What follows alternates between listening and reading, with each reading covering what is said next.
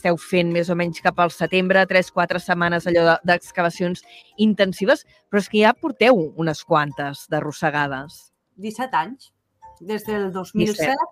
17, sí, que es diu Pronte. Passen molt ràpid. Vaja, i el que aneu confirmant any rere any eh, és la importància d'aquest jaciment i ara entrarem eh, una mica explicar el per què. Perquè el que hi aneu trobant són restes d'animals i eines lítiques de fa una barbaritat de temps, de fa un milió d'anys. De fa un milió d'anys, sí.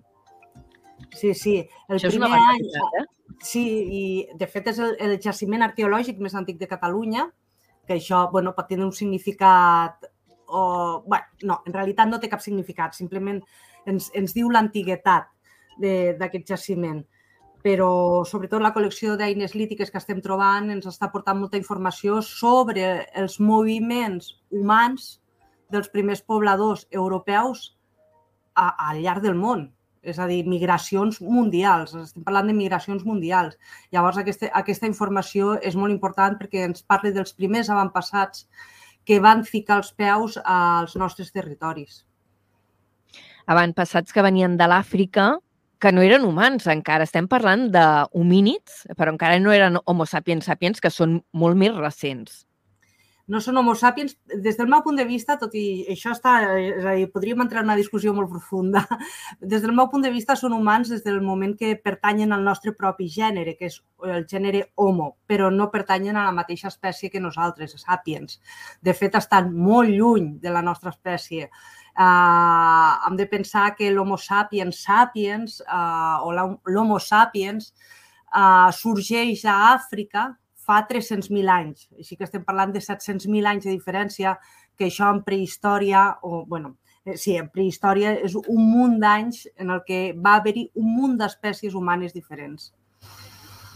Mm -hmm. Teniu identificades qui, quina, quina seria aquesta espècie humana que trobàvem en aquella època assentada aquí al nostre territori? No, i de fet és un dels misteris que, que és, és un dels temes més misteriosos que, que estem treballant.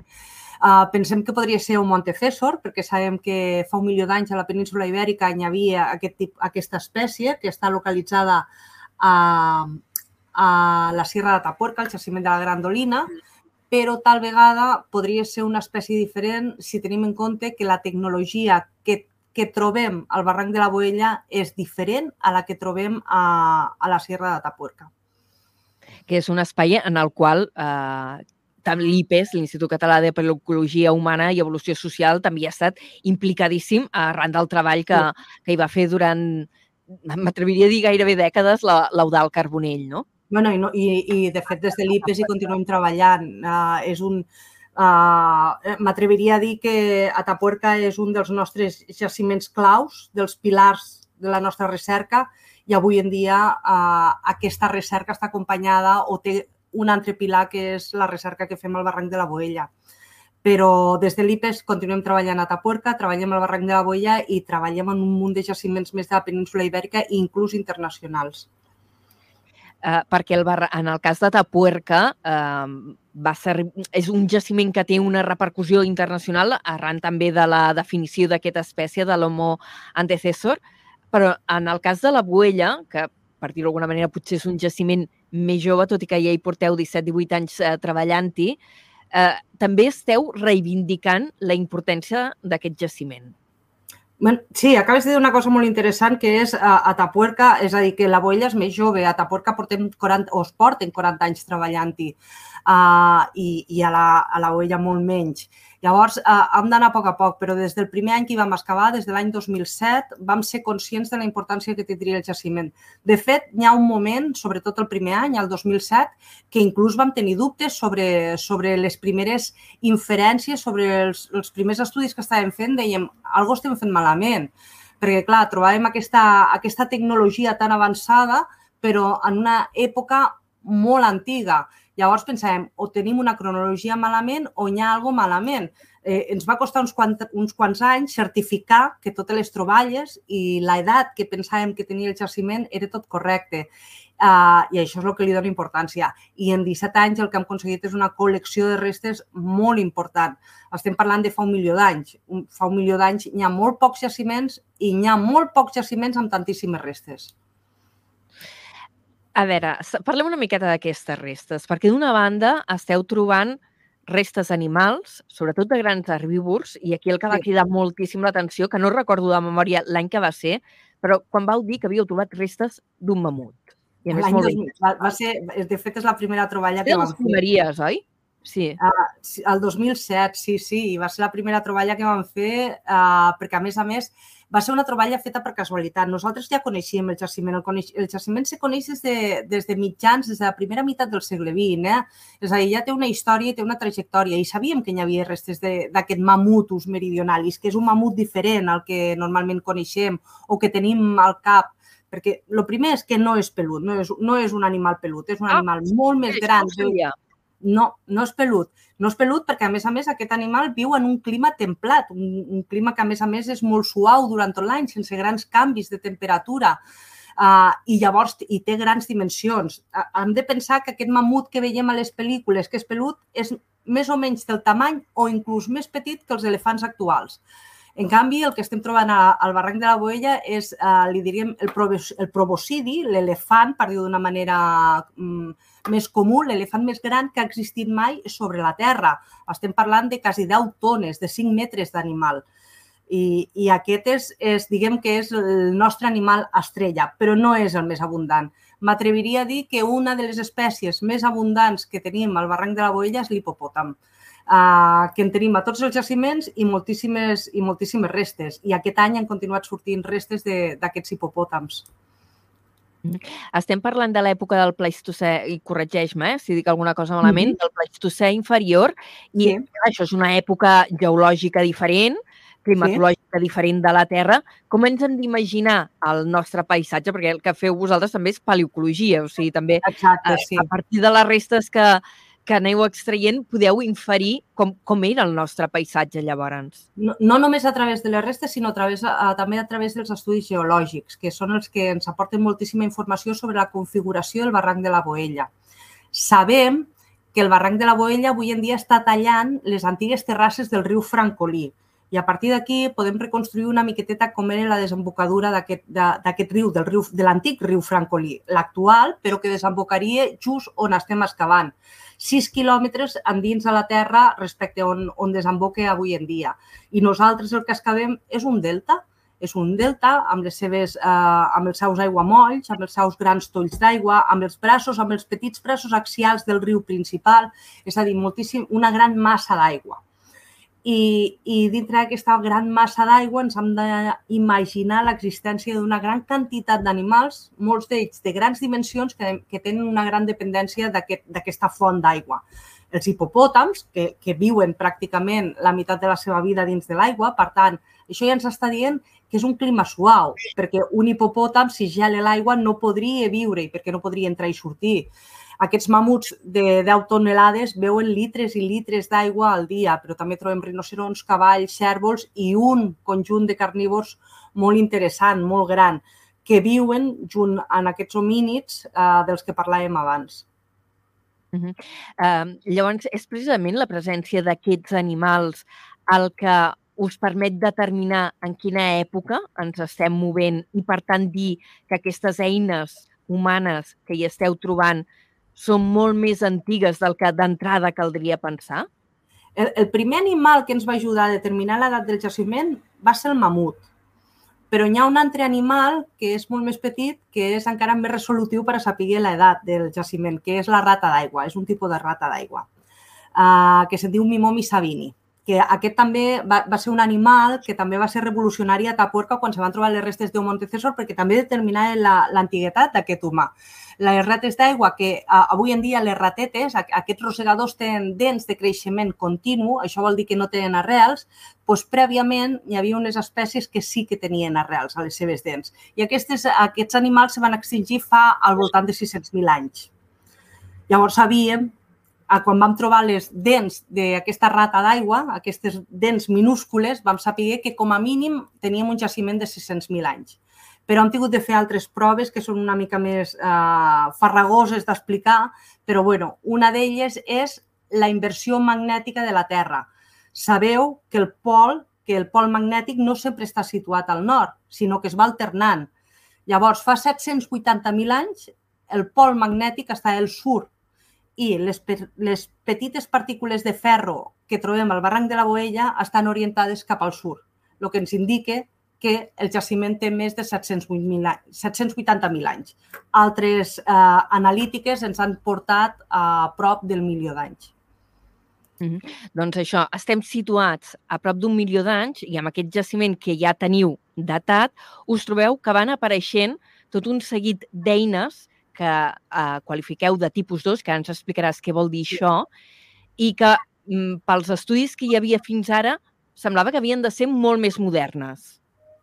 Sí, el, el, el que se'n diu mode 2 és el que correspondria a la segona etapa, li direm la segona etapa de l'evolució tecnològica humana. La primera etapa, que es diu mode 1 o el dovellà, són, eh, consisteix en agafar bases naturals, eh, còduls naturals, pegar-hi un cop i treure un ascle, un ascle tallant que et pot, que et pot ajudar a tallar car, per exemple, a banda d'altres tasques. Però quan tota aquesta tecnologia va evolucionant, el que ens trobem és una predeterminació, l'intent de buscar formes concretes. I al barranc de la Boella aquestes formes són formes apuntades, són grans eines d'entre de, 15 i 20 centímetres que tenen una forma apuntada, que estan elaborades i tallades, és a dir, percutides com amb un martell de pedra també per totes les seves cares, hasta aconseguir una punta. Quan fem aquest salt i busquem formes predeterminades, de grans eines tallants, se'n diu, eh, se diu en anglès large uh, cutting tools, doncs és quan fem el salt a la segona fase eh, evolutiva tecnològica. A Europa se pensava que aquesta fase eh, havia arribat fer 500.000 anys i quan trobem el primer pic, perquè tenen forma de pic, en aquest cas, al barranc de la Boella, eh, l'any 2007 va ser quan vam dir, hosti, eh, algo està fallant, perquè sabem que el jaciment, o pensem que el jaciment no té 500.000 anys, però estem trobant aquesta, aquesta, aquesta, fase, aquesta fase tecnològica més evolucionada. Bé, amb el temps el, la col·lecció d'eines és molt més gran, les datacions sabem que són correctes, sabem que estem en aquest, uh, en aquest període tan antic i probablement estem parlant d'unes migracions que venen des d'Àfrica, que van ser probablement molt poc denses demogràficament, és a dir, de, pocs, de grups humans de poca densitat i que després probablement se difuminen. I per això no tenen visibilitat al registre arqueològic. De fet, el barranc de la Boella és ara mateix únic a Europa. I quina recepció té això per la, la, la resta de comunitat científica que, que es dedica a treballar en aquest món de la prehistòria, no? Perquè, clar, vull dir, vosaltres feu sí, aquesta sí interpretació, ho presenteu i quina resposta us trobeu? La, la primera vegada que es va presentar que van presentar les troballes, eh, només teníem dos eines, només teníem dos grans eines tallants. I tots ens deien, bueno, allò de una flor no fa primavera, aneu en compte. Perquè, clar, nosaltres dèiem, ja, però és que aquestes, en discussions científiques, eh, als congressos, clar, ara hi ha l'últim article que, que hem publicat, que l'ha liderat un company nostre de l'IPES, l'Andreu Oller, uh, pues, clar, l'acollida la, la, ha sigut magnífica. De fet, amb els anys han anat apareixent jaciments algo més recents amb aquest tipus de, de tecnologia inclús més avançada que ens permet que permet avalar les teories que nosaltres teníem. Però el conjunt d'eines que tenim avui en dia és molt important perquè, a més a més, aquest any hem trobat més de, hem trobat més de 200 eines en general.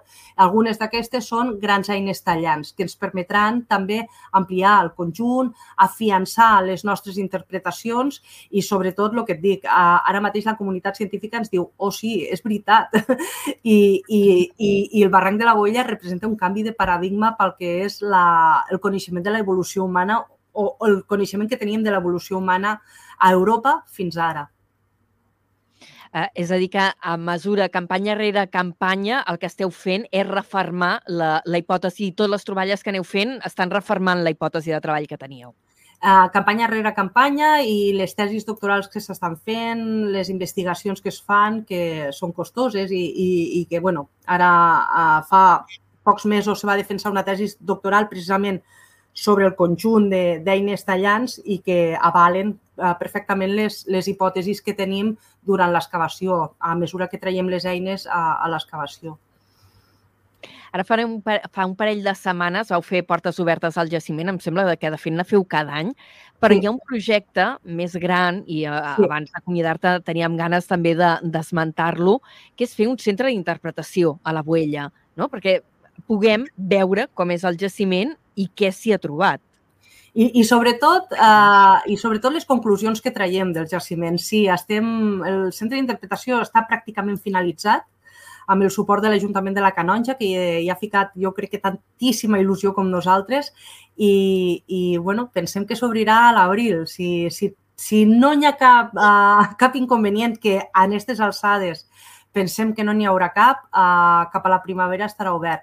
I, i per a nosaltres és, uh, bueno, ens fa il·lusió, però també és un orgull haver pogut fer aquest centre d'interpretació amb tan poc temps, perquè, tornem, el barranc de la Boella s'hi està treballant des de fa relativament molt poc, són 17 anys per a un jaciment arqueològic d'aquest tipus, no són molts, i tenim centre d'interpretació amb les restes originals i que servirà per a donar a conèixer a tota la població el que estem fent allí. El mamut el podrem veure? Sí. El mamut i les ratetes d'aigua. Podreu veure el mamut, els hipopòtams i totes les destrals de pedra. Podreu veure-ho tot i, a més a més, eh, el que us dic, són originals, no són motllos ni rèpliques. Eh, la Generalitat, eh, al final, les, totes les troballes eh, arqueològiques són patrimoni i pertanyen per tant, a la Generalitat, o bueno, en aquest cas la Generalitat, sí, eh, ens ha donat permís per a poder exposar les eines al centre d'interpretació, eh, les eines i les restes de fauna, eh, les originals, que tampoc és una cosa que sigui tan senzilla. Doncs, uh, Palmira Saladier, estarem al, al tanto. Sí, estarem molt pendents d'aquesta pròxima... Molt incorrecte, eh, això del tanto. Aquesta pròxima inauguració de, de cara a la primavera, a veure si quadren les dates i si tot va com teniu previst d'aquest centre d'interpretació i segur sí. que vindrem a veure. Moltíssimes gràcies sí, per explicar-nos si t'enguanya el barranc de la Buella, que ens agrada molt fer divulgació també. Gràcies a vosaltres. Fins ara, adeu-siau. Adéu.